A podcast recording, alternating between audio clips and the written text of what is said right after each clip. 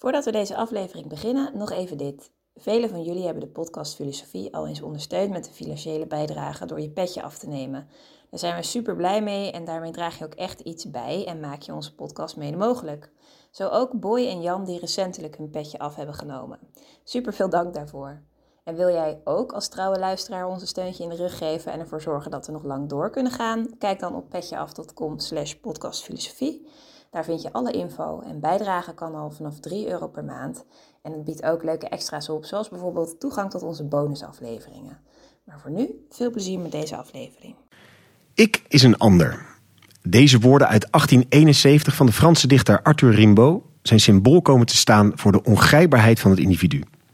Toch zijn we vandaag de dag geobsedeerd door het vinden of verdedigen van ons authentieke ik. Waarom is jezelf zijn tot een van de belangrijkste doelen van onze tijd geworden? Is er eigenlijk wel zoiets als een ik en waar is die dan te vinden? En welke rol spelen tegenslag en beheersing bij de zoektocht naar het ik? Over deze vragen en nog veel meer gaan we de komende drie kwartier hebben. De gast is Rico Sneller. Het thema dat centraal staat: authenticiteit.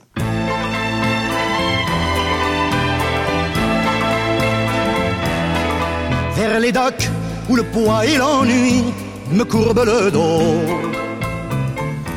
Dag, goed dat je weer luistert naar een nieuwe aflevering van de podcast Filosofie van het Centre Erasme, School voor Filosofie. Mijn naam is Allard Amelink en naast mij zit Judith Zwijstra. Hey Allard. Op een speciale editie van deze podcast. Zeker, want het is de opening van ons uh, nieuwe seizoen, ons zesde seizoen. Dat hadden we van tevoren zeker niet gedacht dat er een zesde seizoen zou uh, zijn. En wij doen uh, voor de tweede keer een opening op deze speciale manier. Dat doen we live. Dus het bijzondere is dat we dit keer niet een denker behandelen zoals jullie van ons gewend zijn, maar dat we een thema centraal hebben staan. Het andere bijzondere is dat er publiek bij aanwezig is. Ja,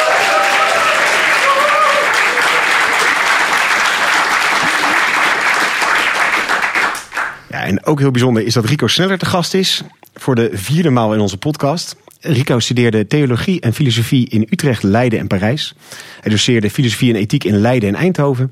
En doseert onder andere aan de Vrije Academie. En hij is gastdocent in uh, de Universiteit Al-Farabi in Almaty, Kazachstan. Ja, dat is toch een functie die je altijd moet noemen als uh, de kans zich voordoet. En je kunt Rico dus kennen van drie eerdere afleveringen over Socrates, Jung en Derrida. Mooi dat je er bent, Rico. Dankjewel.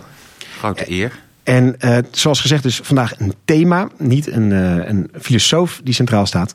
Ja, het lijkt een van de belangrijkste waarden van vandaag de dag, authenticiteit. Als je maar jezelf bent en recht doet aan jezelf. Of het nou op zoek naar jezelf op reis is, of jezelf gevonden hebben in bijvoorbeeld een nieuwe spiritualiteit.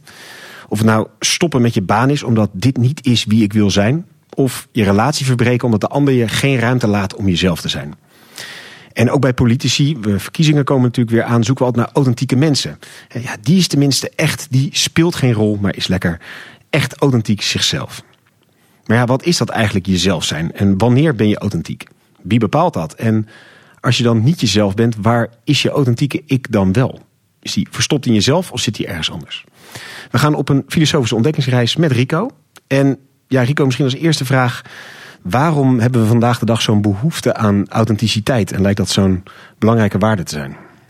Nou, ik denk dat uh, heel veel mensen lijden aan een minderwaardigheidscomplex. En, uh, en dat dat versterkt wordt door uh, de interactie tussen mensen in de maatschappij en ook via sociale media. En ja, dat mensen als het ware worden geconfronteerd met wat ze niet zijn. En uh, alle mogelijke idealen die hun worden voorgespiegeld. En dat versterkt veel mensen, denk ik, toch in een, ja, een vraag omtrent zichzelf. Wie ben ik dan eigenlijk? En van de weeromstuit kan dat een kramp teweeg brengen. En mensen gaan dan zich ja, in alle bochten wringen om ja, meer te zijn dan ze daadwerkelijk zijn. Door zich te identificeren met dit of met dat. Uh, dus een minderwaardigheidscomplex. Ik denk dat dat een belangrijke term is. Die, uh, die ik graag zou willen gebruiken. Het is ook een term die ik dan, als ik een beetje het gesprek mag wat actualiseren vanuit iemand met wie ik me al recent bezighoud, Alfred Adler. Dat is een, iemand uit de school van Freud.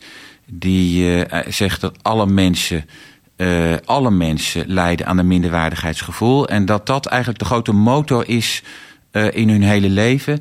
En eh, dat men eigenlijk nooit rust heeft voordat men dat minderwaardigheidscomplex heeft uh, afgetroefd. Uh, maar ja, je, kunt, je schiet dan vaak van het ene extreem in het andere. Hè, dus van minderwaardigheidscomplex in een superioriteitsgevoel. Uh, wat eigenlijk weer een voortzetting is van het minderwaardigheidscomplex. Dus, en, en waar komt dat minderwaardigheidscomplex vandaan? Wat, wat, welke wortels heeft dat? nou ja, mensen zijn in principe minderwaardig. In zoverre, sorry, dit woord is uh, gevaarlijk, realiseer ik me goed. Het, woord, uh, mensen zijn zwak. Hè? Mensen komen hulpeloos ter wereld en zijn afhankelijk van andere mensen. En als je groter wordt, geldt dat in feite nog steeds. Maar de afhankelijkheid die verandert dan van karakter. En uh, ja, dus dat betekent uh, dat mensen dat moeilijk kunnen verdragen. Hè? Dat ze zijn overgeleverd aan de omstandigheden. Als babytje aan uh, ouders. Maar nou, een babytje die ontdekt op een gegeven moment van als ik een keel opzet, dan komt mijn moeder er wel aan. Dat is een eerste poging om macht uit te oefenen. Maar ja, volwassenen die uh, ontdekt dat dat niet zo op dezelfde manier helpt. Dus die gaan zoeken om die onmacht als het ware af te troeven en zichzelf uh, te verstevigen. Door identificaties bijvoorbeeld. En uh, ik denk dat dat iets is van alle tijden, maar zeker ook van onze tijd. Waarin alle mogelijke fundamenten zijn losgeslagen en uh, mensen eigenlijk zonder houvast door het leven gaan. Ja, je zegt van alle tijden. Je noemt net social media, is natuurlijk een heel bekende hedendaagse vorm om je een beeld te scheppen naar buiten toe in ieder geval. Uh, Rousseau wil je ook in ieder geval in dit kader naar voren noemen. En, en die zegt al van, die heeft het al over de verstedelijkte mens die ook krampachtig indruk wil maken op anderen. Eigenlijk een soort ja. social media reflectie uh, een paar honderd jaar geleden. Rousseau is uh, in mijn eigen leven was eigenlijk mijn eerste filosoof die ik heb ontdekt op de middelbare school al. En uh, nou ja, die, daarna komen er ook andere, maar uh, in de loop van je leven. Maar die komt er af en toe ook weer terug. En dat is iemand met wie ik weer identificeer. Ik denk wel eens van misschien ben ik een reïncarnatie van Rousseau. Uh, ja, wie zal het zeggen? Het zou me niet verbazen, laat ik zo zeggen. Rousseau was iemand die zich een buitenbeentje voelde. En die uh, vanuit die buitenstaanderspositie zag dat de massa eigenlijk een grote amorfe beweging is van mensen die elkaar eigenlijk alleen maar lopen te bevestigen. Nu moet je je terugverplaatsen hiervoor in de 18e eeuw. Dus de 18e eeuw, dus niet de 21e eeuw. Maar ik denk dat er een aantal constanten in zitten. Hè. Dus wat het in de 18e eeuw in Parijs gold, het culture culturele centrum van Europa. Waar toch allerlei hypes bestonden. Van je moet dit gelezen hebben en die auteur die is uh, hot en die moet je kennen. En uh, nou, daar holt dan iedereen en masse achteraan. Ik denk dat dat in Parijs nog steeds het geval is. En in de wereld daaromheen ook. Dus Rousseau heeft als het ware tot adagium gemaakt. Uh, om de massa eigenlijk sowieso te wantrouwen. En uh, ik denk dat dat een ontzettend actueel punt is vandaag. Echt heel actueel. Juist in het licht van inderdaad sociale media, nieuws, uh, kranten. En dus dus de, de, massa is eigenlijk alleen maar interactiever geworden. Hè? Die interageert meer door de technische mogelijkheden die ze krijgt aangeboden. En, uh, en daardoor ja, gebeuren van alles en nog wat. Maar er, er treedt ook een consolidatie van de massa op. Die zichzelf nog krachtiger kan uiten. En zich kan met een spreekbuis luid kan maken via de media. En, en daardoor ook een soort idee kan opdringen van... Nou, zo is het. Hè? Zo, zo horen wij te denken. Uh, dus dat, dat is iets wat ik echt hardgrondig voor afschuw. Echt, ik, ik kan me afschuw bijna niet. Ik heb er een vreselijk hekel aan. Waarmee ik niet wil zeggen dat ik er ongevoelig voor ben. Dat zou arrogant zijn. Dat is niet zo. Ik bedoel, we zijn allemaal mensen, dus daar ben je gevoelig voor. En had Rousseau zo'nzelfde soort uh, wortels die je benoemde als die Adler die je aanhaalde van de minderwaardigheidscomplex dat eronder zat? Uh, ja, zeker. Dat, kijk, wat is minderwaardigheidscomplex eigenlijk? Dat is toch dat je nadenkt over je verhouding tot de anderen. He, tot de anderen, de gemeenschap de groep. Hè. Ik zou bijna zeggen mij hier tegenover jullie allemaal. Uh, dat soort effecten die krijg je vanzelf.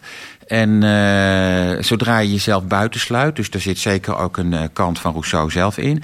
Uh, maar goed, oké, okay, dan zie je dus ook bepaalde mechanismen van zelfbevestiging. En ook. Even tussendoor, in de jaren tachtig had je dat toch ook? Dan, dan, dan werd ook wel gezegd van, of ja, misschien is het niet helemaal jaren tachtig, maar dat er, dat er heel veel mensen aan een soort narcisme uh, stoornis zouden leiden. Hè? Dus ook, ook, dat is ook natuurlijk een verhouding tot de massa. Maar ja, ja na narcisme, dat is eigenlijk een opgeblazen ik. Dat is een opgeblazen, dus een, een binnenste buiten gedraaid minderwaardigheidsgevoel eigenlijk. Hè? Dat, dat voortdurend maar weer wordt versterkt met, met argumenten of met, uh, met verwijzingen of wat dan ook. Dus ik denk dat dat niet goed is. En ik, denk, ik hoop dat ons gesprek en ons gesprek vanavond zou ook op een gegeven moment pendelen tussen de rol die de massa speelt en blijft spelen. En juist als je denkt dat je daar ongevoelig voor bent. Uh, moet je je toch afvragen in hoeverre dat echt zo is. En dus dat is de ene pol. En de andere kant zoeken naar jezelf. En, en, en dan niet jezelf op een manier die eigenlijk via een omweg toch weer uh, je, je massa bestaan. Uh, en dus je, je, je gemeenschappelijke uh, normen en waarden probeert uit te venten. En ik denk dat dat onze uitdaging is, om zo te zeggen. Maar dan, en dan in een soort subcultuur of zo? Dat je dan toch weer een groepje hebt gevonden? Of? Nou, kijk, dat ontkom je niet aan. Er ontstaan altijd culturen om je heen. Ook al isoleer je nog zozeer van anderen, er komen altijd weer mensen om je heen. Maar ook daar moet je weer gevoelig voor zijn. Moet je dus je niet door laten verleiden om je achter anderen te verschuilen. Ik denk, we zijn alleen geboren en we zullen alleen sterven. En die twee uh, punten, dat zijn voor mij ook eikpunten.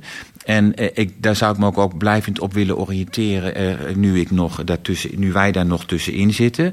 En eh, ik denk dat het ook goed is om te blijven zoeken naar het eigen perspectief dat je hebt aan te reiken aan anderen en ook aan jezelf. Hè? Want dat is jouw perspectief, dat is niet dat van een ander. Dus dat kan een ander ook niet voor jou zeggen. En uh, dus eigenlijk je begaat een grote misstap als je daaraan voorbij gaat. Dus als ik te snel ga, moet je me bijsturen hoor. Maar dus Rousseau is dan dus de, de denker die mij heeft geleerd en, nou, of geïnspireerd om naar een zekere vorm van nou ja, authenticiteit te zoeken. Ik gebruik heel eerlijk gezegd het woord helemaal niet eens zo vaak. Maar als je wilt, dan wil ik het wel gebruiken. Dus laten we zeggen naar jezelf te zoeken. En daarbij ook een, uh, te durven om je los te maken van uh, anderen. En dus ook van alle mogelijke autoriteiten. En nogmaals, dat is niet zo makkelijk als het lijkt. En ook juist voor filosofen niet, want die gaan er prat op dat ze wel eigenzinnig genoeg zijn. Maar ja, dat is nog maar de vraag of dat echt zo is. Want die zitten natuurlijk ook in een soort collectief van mensen die elkaar bevestigen. Ja, want jullie noemen het subculturen. Is dat een ontsnappingsroute om hier voor jezelf buiten de massa te plaatsen? Tuurlijk, mensen zoeken altijd ontsnappingsroutes en zo. En ik denk dat het de uitdaging is om te voorkomen dat je weer nieuw in een groepje komt van mensen die jou bevestigen in je eigen gelijk. Ik denk dat dat voor niemand gezond is. Uh, als ik de naam van Nietzsche mag noemen, want ik, ik, ik moest dus veel filosofennamen noemen, dat zal ik doen, of Nietzsche. Uh, dus dat is ook iemand die, die dus dan wel zo'n grote kracht had. Dus elke vorm van discipelschap wees hij krachtig af. En als iemand de euvele moed had om sympathie met Nietzsche te betuigen... dan kreeg hij een grote duw weer terug van... nee, uh, volken niet meer naar, zonder dier. Dus dat zijn uitspraken. Nou, dat dat, daar spiegel ik me aan. Ik denk dat dat toch waardevolle uitspraken zijn. En, uh, maar oké, ik wil geen seconde de indruk wekken dat mij dat wel zelf gelukt is. Helemaal niet. Want juist dan moet je op je hoede zijn. Dit is een blijvende taak, denk ik, voor mensen. Het is onze uitdaging. En nou, sommigen komen daar verder in dan anderen. Wij gaan uh, even denk dat thema van het ik uh, verkennen. Van, is er zoiets als een authentiek ik? En zo ja, waar is dat dan te vinden? En Rico zou ons misschien een soort schets kunnen geven van op welke manier is er nagedacht in de filosofie over dat authentieke ik. En misschien kunnen we aan de meest negatieve kant beginnen van... er is helemaal geen ik. er is geen uh, harde ja. kern van wie jij of ik ja, dat is, het, het, het, andere uiterste, zeg maar. Hè? Dus ja. als we de, de, Europese geschiedenis bekijken, dan uh, zien we een ontwikkeling waar inderdaad er ook geen ik was, maar men maakte deel uit van een collectief, van een gemeenschap. De identiteit was voorgegeven. Dat heeft tot diep in de middeleeuwen bestaan. Met de moderniteit komen als het ware uh, een project op van, nou ja, van, hoe moet ik het noemen, van uh, niet per se het ik, maar het subject. Dus dat we zeggen een, een stevig moment wat in ieder mens huist en wat hem of haar in staat stelt om na te denken en, en om zich uit te tillen boven het instinctieve leven. Nou, dat project dat is op een gegeven moment ook, ja, ik, ik zeg dan verrijkt of misschien zelfs gecorrigeerd vanuit de romantiek. Dat zegt, nee, dit, is een, dit subject dat is te algemeen. dat is eigenlijk nog steeds een een vorm van onpersoon. Hè? Het, het, rationele subject, dat is nog steeds eigenlijk niks. Um, wat het belangrijk is om te zoeken naar een authentiek moment. Of, uh, ik weet niet of dat woord meteen al werd gebruikt, wanneer dat woord opkomt. Maar een, een, een, een bijzonder moment in jou. Dus daar zullen we straks waarschijnlijk nog op terugkomen. Want dat is iets waar ik mezelf ook op oriënteer. Ik heb het gevoel dat dat laatste, dus dat romantische ik, een beetje is uh, losgelaten in het geweld van nou misschien Nietzsche en vooral alle adepten die zich in dat kielzog van Nietzsche hebben ontplooid. En met een grote mond hebben geroepen dat er helemaal geen mens is, geen subject, er is helemaal niks en we zijn fragment. En dat is dan ook een vrijbrief om alles te doen en te laten wat je maar wil, omdat je toch niet verantwoordelijk bent. Uh, en dat is een beetje dus wat we dan postmodernisme noemen. Ik, ik verklap erbij, ik ben gepromoveerd op Jacques Derrida. Die geldt voor de goede gemeente als postmodern. En dat is, vind ik eigenlijk teleurstellend, want hij is veel meer dan dat alleen. Ju juist veel meer dan dat. Maar dat wat postmodernisme wordt genoemd, ik ben er veel mee in aanraking geweest. Maar ik denk dat dat uh, zijn doel voorbij schiet. En dus dat was dan de tweede denker die, we dan, die ik dan zou noemen vanavond als een soort eikpunt voor jullie ook. Hè? Jacques Lacan. Dat is een, uh, nou ja, dus een Freudiaan, een Franse filosoof, uh, psychoanalyticus. Op zich een heel bijzonder iemand, knap, geweldig. Uh, allemaal, we praten hier natuurlijk alleen maar over knappe mensen. Zeker, en, zeker. en niet over klorissen. Maar goed, die Lacan, die, die dan toch ook weer het kind met het badwater heeft weggegooid. Door het, het, de mens al geheel op te laten gaan in een vergeefse zoektocht naar iets wat per definitie niet kan worden gevonden. Dus nou ja, Lacan die, die, die vertolkt dat in zoveel toonaarden. Dus je bent op zoek naar jezelf en, en je, je raakt eigenlijk alleen maar in een soort loop. Uh, maar het is al heel wat, en dat zegt Lacan, daar ligt het genezingsproces in. Als je in ieder geval uit de, de fixaties weggeraakt en dat je weer in beweging komt. Nou oké, okay, dat, dat ben ik op zich met hem eens. Maar het helemaal opgeven van het ik uh, en uh, het, het menselijk bestaan laten opgaan in een vruchteloze uh, dooltocht. Ja, dat, dat, dat, dat kan een, een pootje behulpzaam zijn, maar uiteindelijk is me dat te weinig. En, en, en snap je wel de redenatie die daaronder ligt? Maar kun je die wel volgen? Die snap ik zeker, want dat is natuurlijk het, destabiliseren van fixaties. Hè. Het woord fixatie is een interessant woord. Want het kan zowel verwijzen naar het moderne subject, dus het, het, rationele ik. Het kan zelfs verwijzen naar een authentiek ik, waar ik mezelf een pleitbezorger van zal proberen te betonen vanavond. Maar en het kan, en dat is eigenlijk de manier waarop we de term plegen te gebruiken, naar een obsessie. Hè? Dus een, obsessie waar je behandeling uh, voor behoeft. Dus een fixatie, dat is uh, uh, dan nog een naam te noemen van Pierre Janet. Dat is de voor Freud, hè, dus Pierre Janet, dus een 19e-eeuwse vader van de psychoanalyse ook, hè, dus een tijdgenoot van Freud, die spreekt dan over een idee fix, dus een gefixeerde idee die zich in je vastzet. Uh, die heeft een voorgeschiedenis van uh, nou ja, een bepaalde gebeurtenis in je leven, die chockerend of traumatisch is geweest, die heeft zich vertaald en die zet zich vast in je en die vormt naarmate je ouder wordt een blokkade die je in alle mogelijke perikelen brengt gedurende je leven. En als het heel erg is, dan uh, moet je worden opgenomen. Nou, die fixatie, interessant woord, want ik wil eigenlijk dus voorstellen om die fixatie uit de, psycho de psychopathologie ook toe te passen op het uh, moderne subject. En zelfs ook op postmoderne ideeën. Dat zijn fixaties. En, en behoeven dus behandeling. Die behoeven behandeling, die moeten in beweging worden gebracht. En ik wil, nou ja, ik mag niet aan tafel, moet ik wel een beetje uitkijken wat ik zeg. Maar bij, dus misschien bij de bar zal ik misschien weer meer zeggen dan ik nu zeg, want nu wordt het opgenomen. Maar ik zou best, nou, dat durf ik aan tafel ook wat te zeggen, wat kan mij te schelen. Dus een groot aantal van mijn collega's, ook wel die ik bevonden, die, die zitten toch in fixaties vast. En dan denk ik aan mensen die een bepaald professionele intellectualiteit uitstralen. Die, uh, ja, die zich uh, in hun professionaliteit hebben vastgezet. En die, ik moet een bepaald aantal ideeën verdedigen en ik moet voor bepaalde dingen staan. Nou, die hebben dus behoefte aan Lacan, om zo te zeggen. Die moeten hoognodig in, in therapie. Je noemde eerder ook Nietzsche. Uh, plaats je Lacan daar ook een beetje in? Is, is dat nihilistisch? Nou, kijk, het nihilisme. Kijk, dan, ik wil ook weer niet uh, de, uh, het nihilisme. Uh, ja, laten we zeggen ja. ja.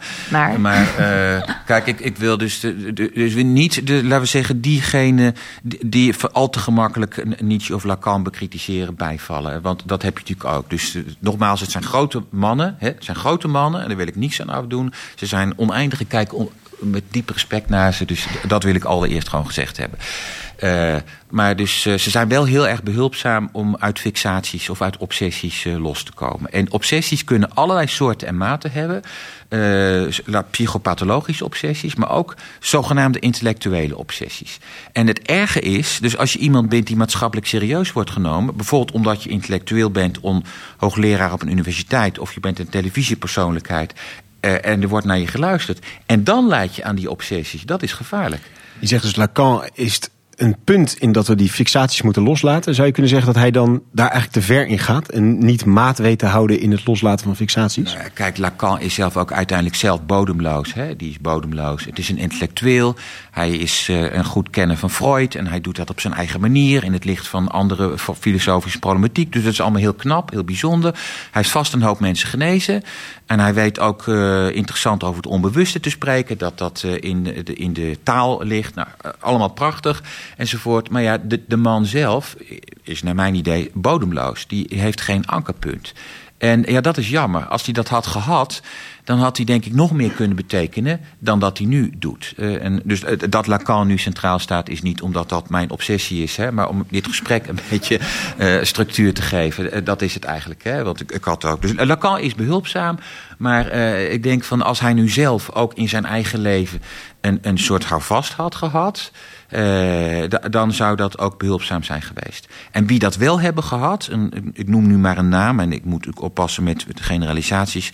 Dat is ook iemand uit de sfeer van de psychoanalyse van na de holocaust. Mensen als Viktor Frankl bijvoorbeeld. Hè. Dat, is, zijn allemaal mensen uit diezelfde traditie. Maar dit is dus duidelijk iemand, en, gelukkig zijn er meerdere. Maar dit is iemand die zelf als het ware de, de diepte van het bestaan onder ogen heeft gezien. Hè. Dus Viktor Frankl heeft in een concentratiekamp gezeten. Uh, en die weet wat het wil zeggen om getraumatiseerd te zijn. En die is uit het dal herrezen. En die is ook uit de traditie van Freud. En die heeft daar zijn eigen benadering in aangebracht. En zijn ontwikkelingen, zijn accenten gelegd. Uh, weer anders dan Freud natuurlijk. En zo iemand die heeft een houvast. En, en ik denk dat dat mist in Lacan. En dat zo iemand als Frankl, maar hij is de enige niet. Dus ook Edith Eger of zo, die ken ik verder niet. Maar ook een concentratiekamp overleefd. Die heeft denk ik echt iets te zeggen. Die kan net een stap verder zetten. En ik denk dat we daar ook behoefte aan hebben als, uh, als 21ste eeuwse mensen. Straks komen we denk ik bij die traumatische kant en die impact daarvan uh, nog, nog, zeker terug. Uh, misschien om even dat spectrum te doen. We nu hebben Lacan als de, de man die alle fixaties loslaat, waardoor er, wat jij zegt, eigenlijk bodemloze situatie overblijft. Wat is het, het andere uiterste? Iemand die wel een solide kern weet te vinden? Nou ja, dus dat, ik zou dan de naam van Carl Gustav Jung willen noemen daarvoor. Met alle voorzichtigheid. Want uh, ja, je zegt uiterste, kijk, Jung is heel genuanceerd natuurlijk. Uh, maar het is een uiterste vergeleken met Lacan. Dus ja, helaas, ik ken jullie niet. Dus voor sommigen zeg ik misschien dingen die je al lang weet, anderen niet. Maar dus ik probeer er een beetje tussenin te blijven. Maar Jung, dus dat is een, nou, een interessante ontwikkeling in de, dus naar Freud. Uh, Jung, die overigens ook weer zijn eigen bronnen heeft. Dus niet, dat niet alleen maar Freud, maar ook die hele 19e eeuwse romantische filosofie. Uh, dus vanaf Schopenhauer en daarna. Dus dat is een ontzettend interessante filosofische traditie. Die eigenlijk veel te veel achter de horizon is verdwenen. Maar goed, in het werk van, van Jung komt dat naar voren. En Jung die wijst, die, die gebruikt het begrip van het zelf met een hoofdletter. Nou ja, dat is in het Duits natuurlijk altijd met een hoofdletter. Maar, maar goed, dus als hij Nederlander was geweest, had hij het ook met een hoofdletter geschreven. Het zelf.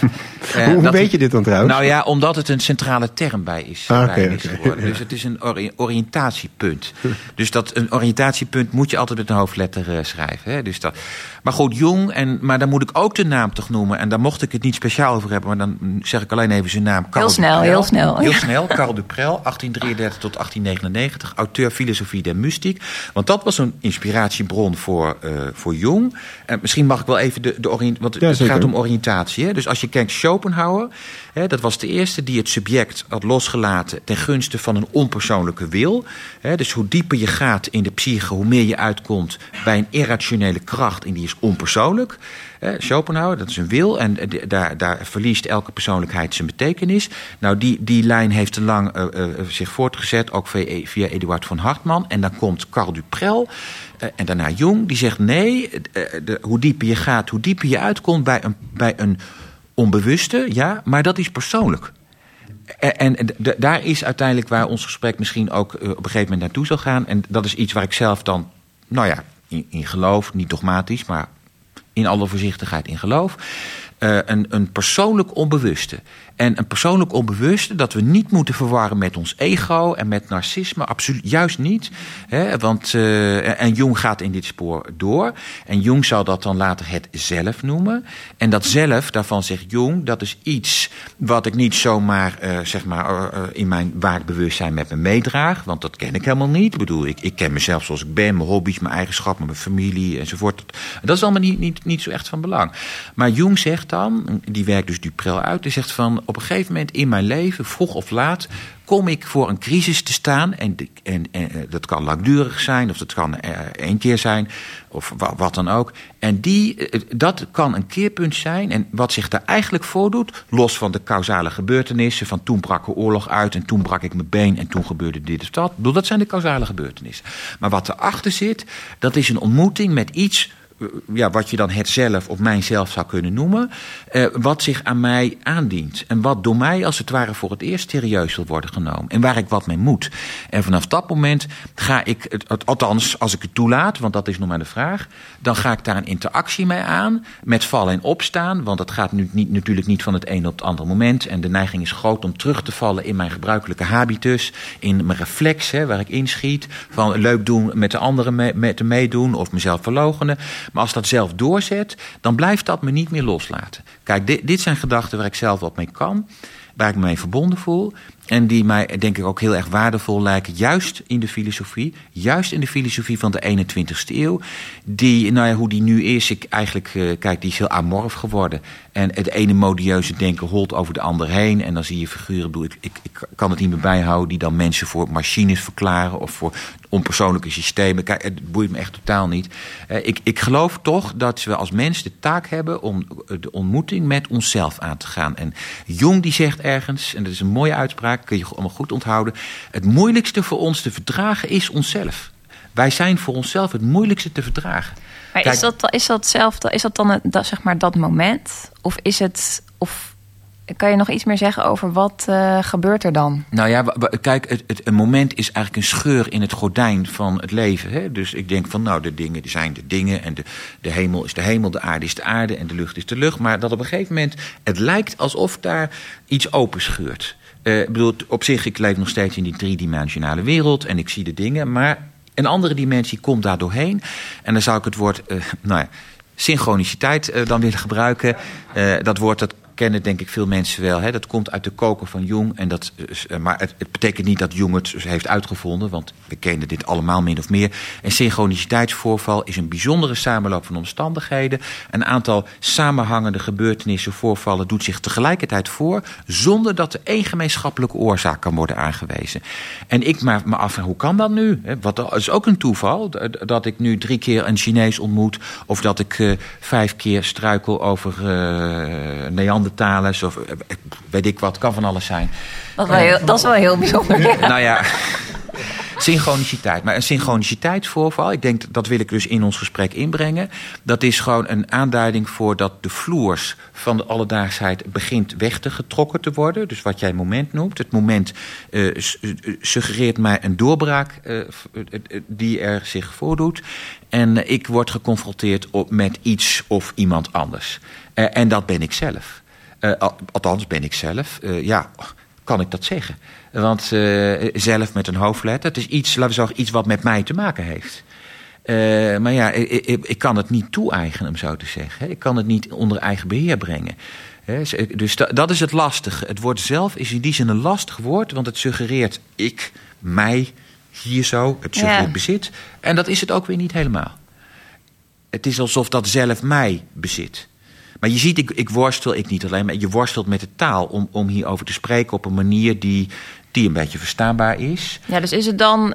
Uh, het, inderdaad, het is een beetje worstelen, denk ik. Uh, maar is het dan, noem je het, het zelf omdat, omdat als je daar naar luistert, het iets van jou vraagt? Jij moet daar wat mee? Ja, ja. En, ik, ik, ga nu spontaan door om te kijken of ik referentiepunten kan vinden om dit te verduidelijken. En één, voor mij een heel belangrijk referentiepunt uh, misschien voor sommigen te bekend. Dat is Kafka voor dem Gesetz. Uh, het, bekende, uh, ja, onverprachtige verhaal. in al zijn kortheid, dieper dan wat dan ook. Dat een man die van het land, die komt voor de wet, die vraagt toegang. Nogmaals, je vraagt je af, wat de wet? Staat er geen uitleg bij. De wet. Met een hoofdletter W? Met de hoofdletter W, maar ook in het Duits. Voor dem, voor Gesetz. En, en dus de, de wet wordt daar voorgesteld als, uh, als, als een iets, als een plek of zo. Maar er staat voor dem Gesetz steht een Türhüter. En die laat de man niet, niet uh, door. En dus voor degene die het verhaal al 10.000 keer kennen, dus sorry daarvoor, maar ik wil toch even zeggen: dit is een belangrijk verhaal. Uh, en hij krijgt geen toegang. Uh, die man. En uh, nou, hij vraagt af en toe vraagt hij toegang. En die tuurhuurder, dus de poortwachter, die zegt: nee, je mag hier niet naar binnen. En al zou ik je binnenlaten, na mij zul je uh, andere wachters aantreffen. Oneindig veel, veel machtiger nog dan ik. En die zouden je zeker niet doorlaten. Nou, zo gaat het door. Die man wordt oud en uiteindelijk gaat die, sterft, zal die gaan sterven, ligt op sterven. En dan uh, komt die poortwachter uh, naar hem toe en, uh, en die zegt: Ja, het is nu het einde verhaal. ik ga nu de poort sluiten. En, en die man vraagt: Ja, waarom mocht ik eigenlijk niet binnen? En dan zegt die man: Deze poort hier was speciaal voor jou bestemd. Maar nu is het te laat en nu gaat de deur dicht. En dan sterft de man. Einde verhaal. Het is een kort verhaal van één bladzijde, staat in der proces. En dit proces is de roman die daaromheen is gebouwd eigenlijk. Dus je kunt het hele verhaal van Jozef K. kun je hier ook doorheen lezen. Nou, ik vind dit een ontzettend indringend verhaal. Het is een van de diepste verhalen die ik ooit heb gelezen. En ook herlezen. Jacques Derrida heeft erover geschreven. En, eh, maar dit is het. Hè. Dus uh, dat zou, ik zou zeggen, wat Kafka bedoelt, dat is verder niet relevant. Maar ik zou zeggen, dit is het zelf.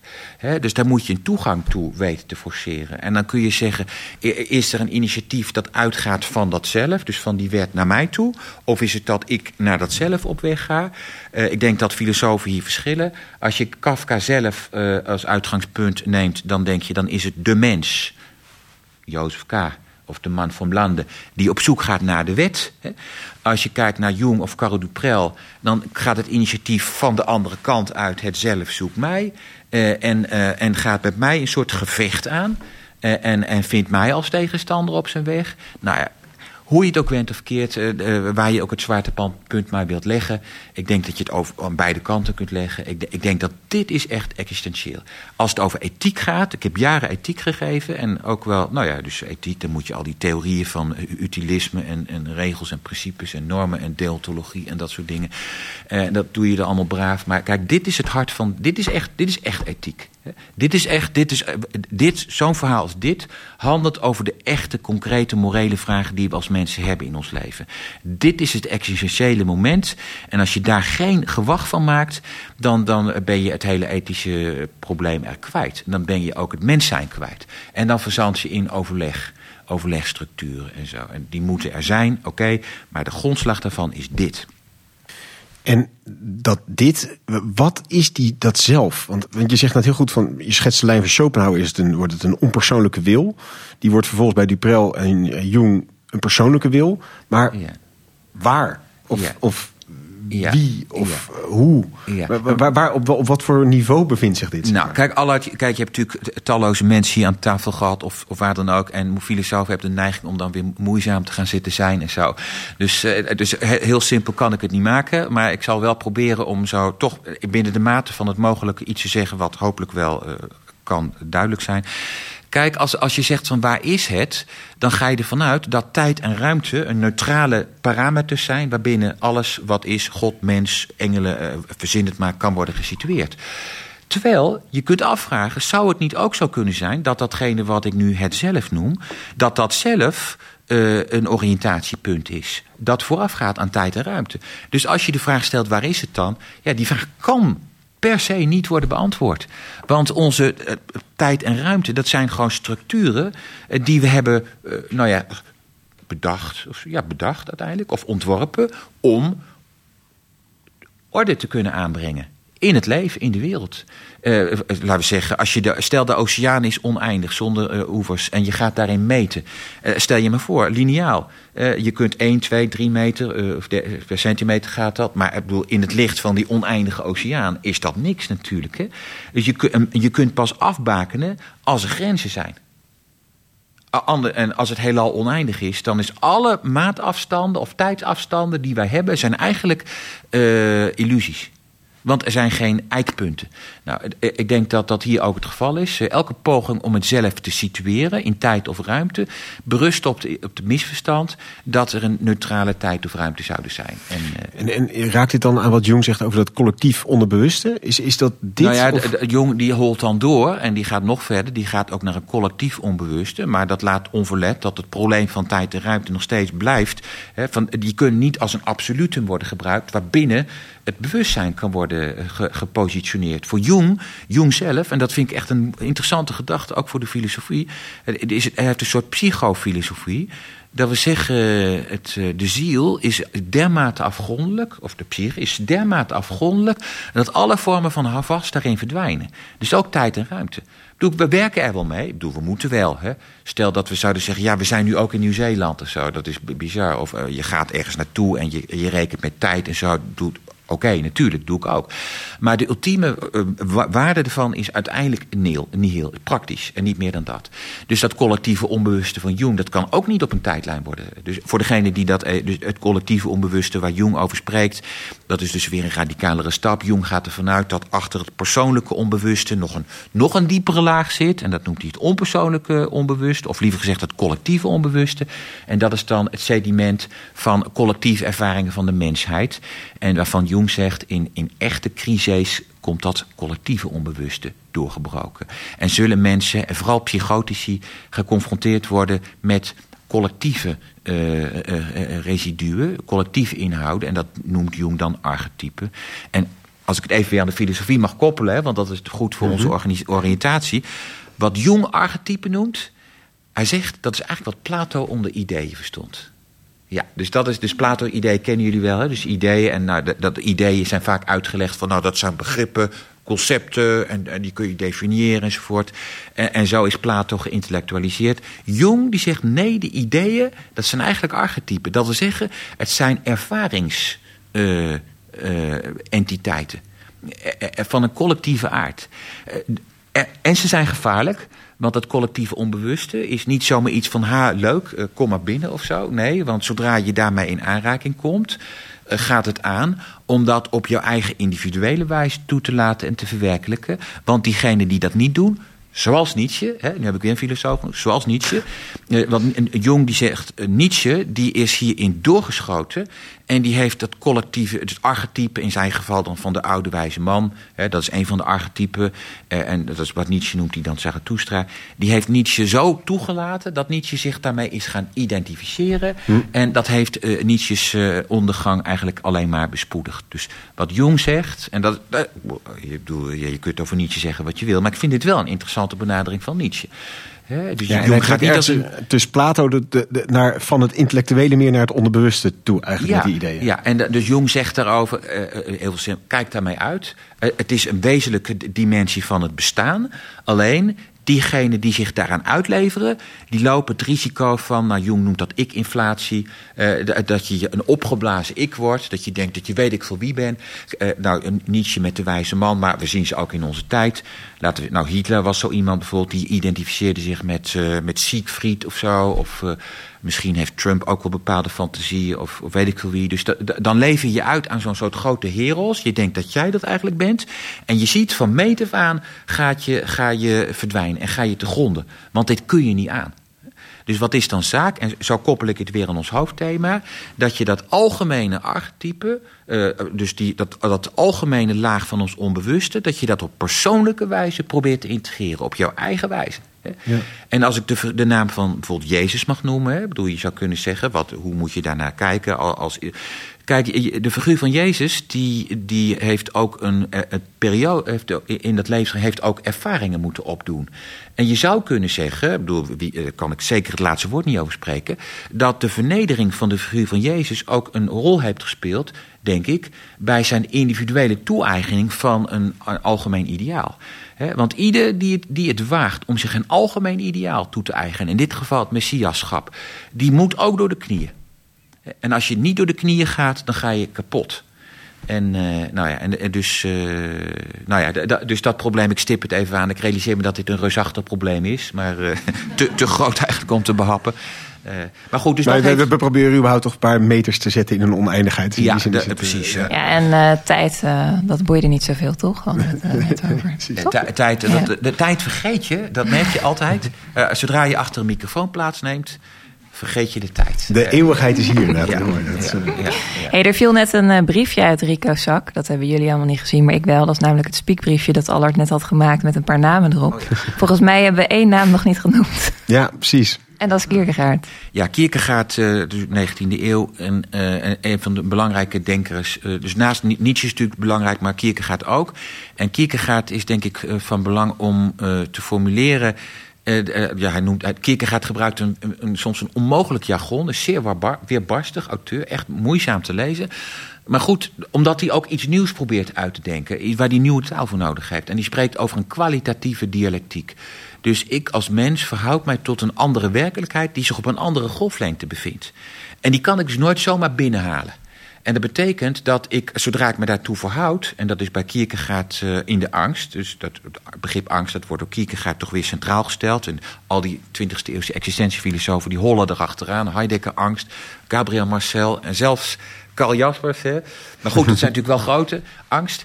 Uh, dus dat is uh, angst, is dan de, de grondervaring die eigenlijk uh, mij laat weten dat een andere golflengte bij mij binnen ingang zoekt te vinden. Ja, ik vind dit hele mooie en ook ja, echt levensechte gedachten. Uh, en, en, dat vertaal je eigenlijk als dat zelf wat aan je deur, dat, aan je poort klopt. Precies, precies. Dus wat, wat, ik dan het zelf noem, en er zijn best misschien andere woorden te verzinnen hoor. Dus ik neem die term van Jung over, maar uh, en ook van Carl Duprel. Die, Carl Duprel noemt dat, noemt dat het transcendentale uh, ik, of het transcendentale bewustzijn. Dat klinkt wat gespierder, maar dat komt van Kant vandaan. Maar als je die term beter vindt, mag je die ook gebruiken. transcendentaal bewustzijn. Maar dat is een andere golflengte.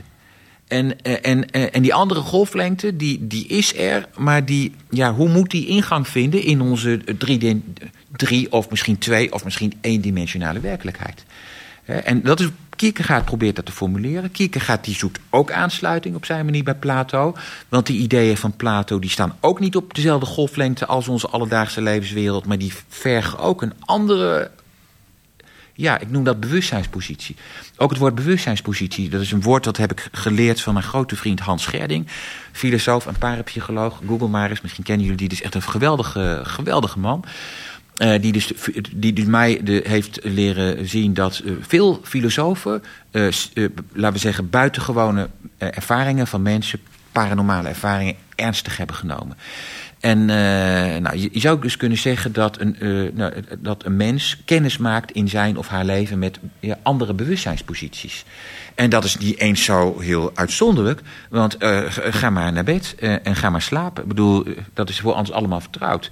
En, en da daar betreed je ook een andere bewustzijnspositie. En in plaats daarvan dat we dat afdoen als van, nou ja, dat is even een, een, een zwart bewustzijn en daarna worden we wakker en daar gaat het om. Hè? Nee, helemaal niet daar gaan we een andere laag binnen en die is uh, uh, betekenisvol. Daar verschuift als het ware wat Carol Duprel dan noemt de psychofysische schwelle, de psychofysische drempel. En daar wordt het vloers dun. En, en even Carol Duprel die zegt dan van net zo min als wij overdag, als de zon schijnt, kunnen we de sterren niet zien. Waarom niet? De zon schijnt. We zien de sterren pas als de zon neerdaalt, als het donker wordt. Nou, zo zegt Duprel en Jung dus in feite ook. Het moet eerst donker worden in onze geest voordat wij de sterren kunnen zien. Lees, voordat wij contact kunnen leggen of maken of krijgen of hoe dan ook met, uh, nou ja, eh, eh, zelf of een transcendentaal bewustzijn. Ja, en die nacht, is dat dan ook een vorm, crisis kan ook zo'n vorm van nacht zijn? Ja, Maar je noemde net even natuurlijk concentratiekamp bij Victor Frankl onder andere, maar... Ja kan ook misschien van een andere aard zijn. Maar dat Allerlei zijn... soorten aard. En ik denk dat het van belang is om hier niet monomaan te worden... en zeg alleen maar dit en niet dat. Dat is natuurlijk het grote gevaar dat je met je entdekker Freud... die zegt dat moet alleen maar, je moet alleen maar drugs gebruiken of zo. Eh, dat al helemaal niet. Want ik denk drugs is kunstmatig. Uh, dat is, uh, ja, moet ik even kijken of deze vergelijking hier voor de zaal... Ja, oké, okay, ik zeg het dan toch. Um, ja, die, die vraag kreeg ik namelijk van studenten vroeger. dus die verwezen dan naar... die, die zijn dan met drugs bezig zei, eh, mag je dan niet ook drugs gaan gebruiken? En ik zei nee. En dan noem ik het voorbeeld uh, van uh, Arthur Rimbaud. De bijna begon, hè? Ja. ik is een ander. Die op een gegeven moment ook drugs is gaan gebruiken... om zijn poëtische creativiteit te versterken. En ik zei nee, want als je drugs gebruikt... dan lijkt je op een vrouw die in baresnood is... en die te vroeg gaat persen. Dus voordat de ontsluiting is. Hè, dus ontsluiting uh, moet uh, nou ja, 10 centimeter zijn. Uh, dat weten sommigen misschien, of anderen weten het niet.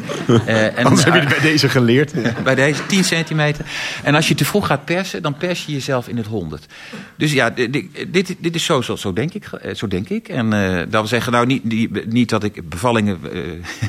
dat is een, een aparte deskundigheid dan. maar, maar ik pas dat nu even toe op de wereld van de geest. Dus laten we zeggen, drugsgebruik of verdovende middelen enzovoort. Daar gaan mensen mee aan de haal die zichzelf uh, nutteloos vinden. Of die gewoon geen bijzondere ervaringen kunnen krijgen. En die vanuit uh, armoede of grote frustratie daar dan maar eens mee gaan experimenteren. dus ik denk, dan, pers, dan kun je jezelf het honderd inpersen. Dat je kapot gaat, blijvend kapot. En bedoel, ik denk dat je dat kunt bevestigen. Er zijn talloze mensen die zichzelf het honderd in hebben geholpen. En ik denk dat dat riskant is. En waarmee ik wil zeggen, dus je moet wachten op de ontsluiting. En zo moet je dus ook wachten op de geestelijke ontsluiting. En, en niet dat proces bespoedigen. Want jij bent niet een ander misschien heb je grote bewondering voor die goeroe uh, of die filosoof... of weet ik veel wie, wie je bewondert... omdat die zulke bijzondere dingen kan vertellen. Maar dan moet je niet vanuit een minderwaardigheidsgevoel zeggen... ja, dat moet ik ook. Ik ga ook uh, uh, ayahuasca of zoiets... of een drugs gebruiken of, of veel alcohol gebruiken. Nee, nee. Ik zou zeggen, je moet afwachten...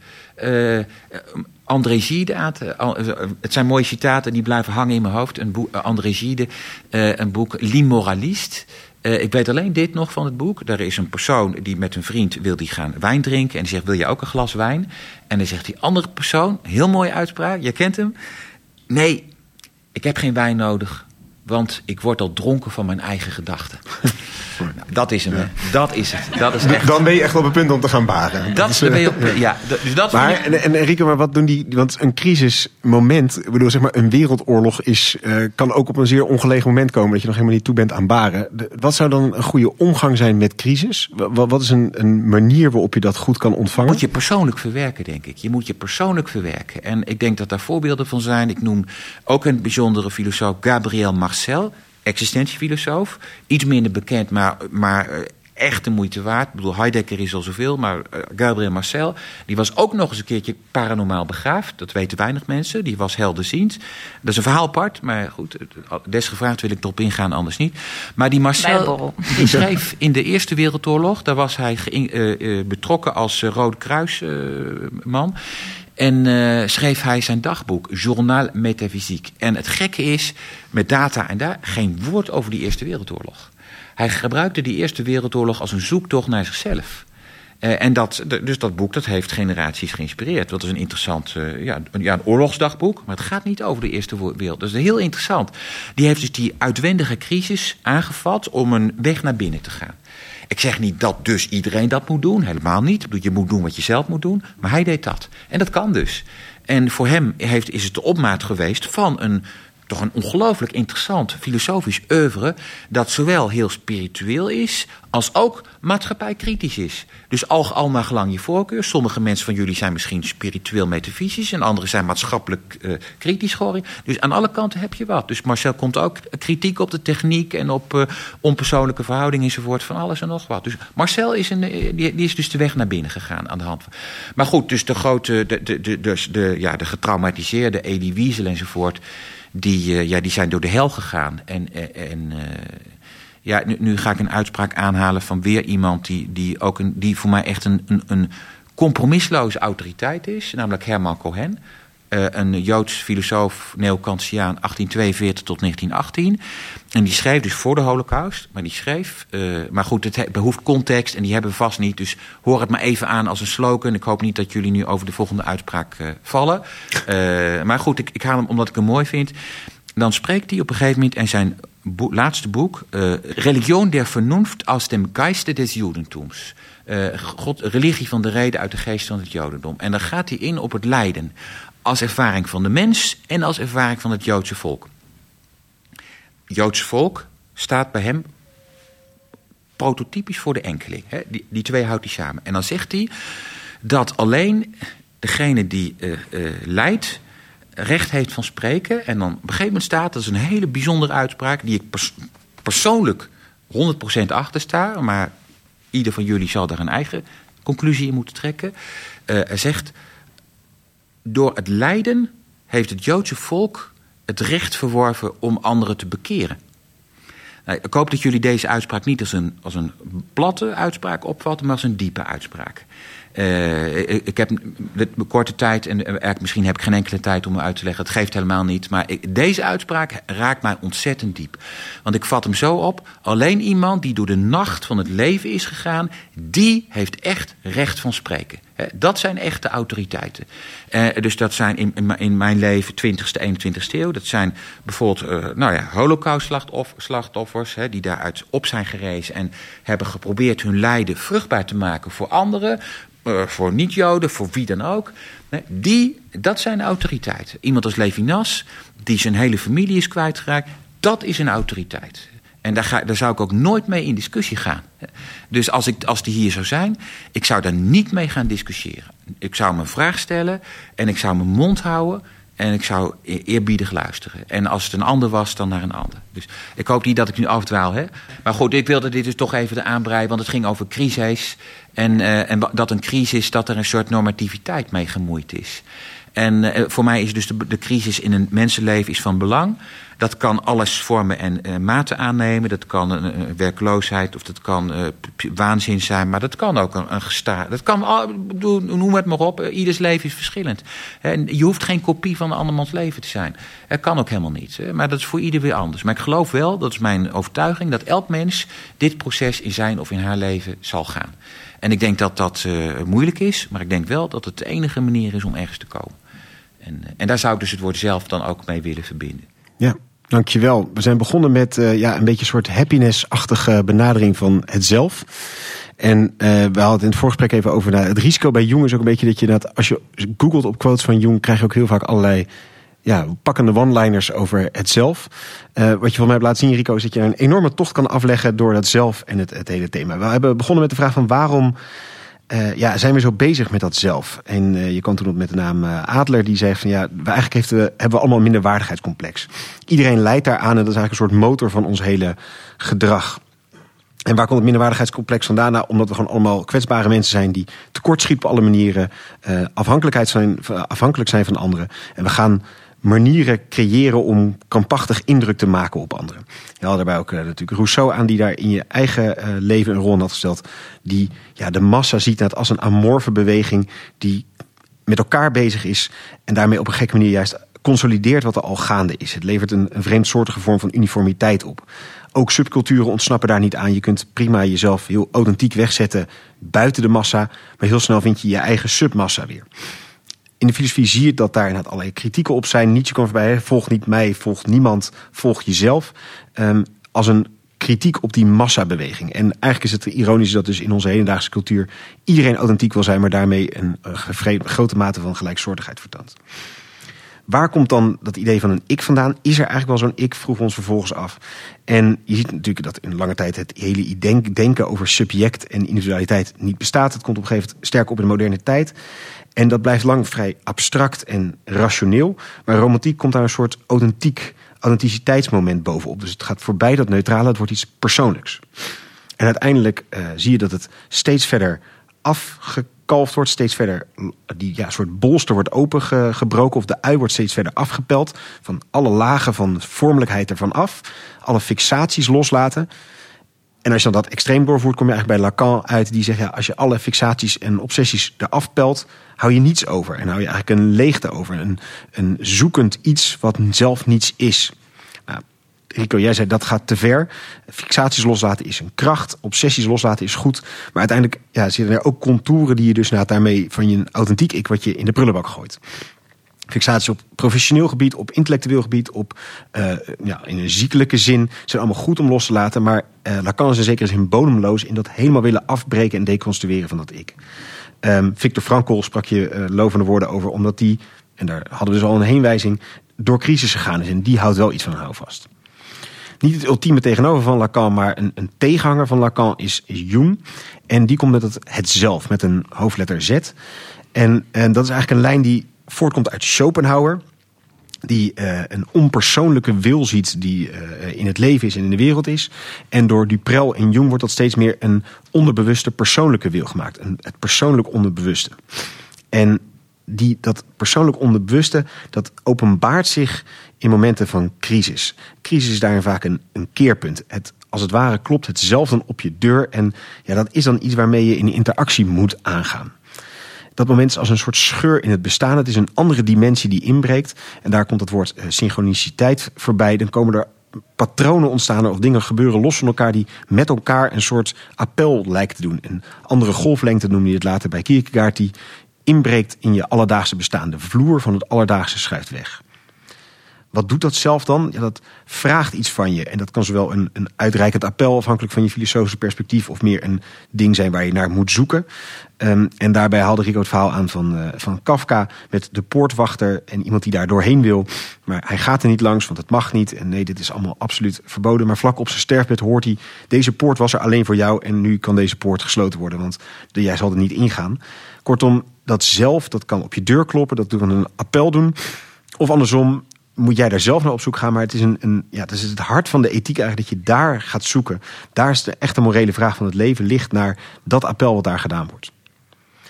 Toen vroegen ons af, ja, waar bevindt dat zelf zich met die hoofdletter Z dan? Is dat ergens? Is dat in je verborgen? Ligt dat ergens buiten ons? Ja, en dat is tijd en ruimte onafhankelijk als we Jung volgen. Het is een oriëntatiepunt buiten tijd en ruimte. Dus het is niet te, te pinpointen. Het is oneindig groot. En als je nou, voorbij het individuele gaat, kom je bij Jung ook nog bij het collectief onderbewuste. Ja, en dan wordt het natuurlijk helemaal extreem groot, omdat het dan dus ook nog over de totaliteit van ervaringen van collectieve aard gaat. Via de archetypes kwamen we toen nog weer bij Plato's ideeënleer uit. Um, mooi als waarschuwing van Rico erbij. Kijk uit, die archetypes kunnen een soort nieuwe fixaties worden. Dat je jezelf weer opblaast. En dus eigenlijk van de weeromstuit via het zelf in een nieuwe totalitair eh, benadering van jezelf komt. Die gesloten is en geen recht doet. Tot slot hadden we het over Kierkegaard. Angst is een, een, het woord dat hij gebruikt om die verhouding tot die andere kwalitatieve dialectiekkant, die andere golflekte die in je wil inbreken, je te verhouden. Um, ook dat is een soort aanzoeken, zoeken naar een aansluiting bij Plato. Ook die zijn die ideeën dan een soort andere golflengtes. Um, en kwamen vervolgens zo bij de andere bewustzijnsposities. Denk aan de slaap, maar zo zijn er mogelijk meer. Uh, en ja, die momenten van de sterren zien kun je alleen als het s'nachts is. Zo kan het zijn over andere bewustzijnsposities. Of dus crises die ook kunnen zorgen dat je op een andere manier je verhoudt tot de werkelijkheid om je heen. Die je op een andere manier laat verhouden tot de werkelijkheid die je elke dag ziet. Waardoor dus die werkelijkheid niet radicaal op zijn kop komt te staan, maar voor jouzelf wel. En zelf wat daarmee op de deur klopt.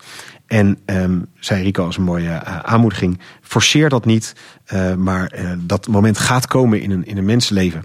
Zo leren we dat van Jung. En uh, we sloten af met een uh, citaat van Herman Cohen. Die zei van ja, eigenlijk alleen wie geleden heeft, heeft recht van spreken. En hiervoor geldt dus van iedereen heeft die strijd op een bepaalde manier aan te gaan die zich in het leven op je deur klopt. Um, dat is niet een blije happiness uitleg van wat een ik is. Maar is dus een persoonlijk ding wat zich op je pad toont. En uh, wat je dan kan aangaan of voor eeuwig voor de poortwachter kan blijven staan. Dankjewel Rico voor een wilde rit door dit onderwerp heen. dankjewel Judith en natuurlijk vooral ook jullie allemaal heel hartelijk dank voor jullie aanwezigheid.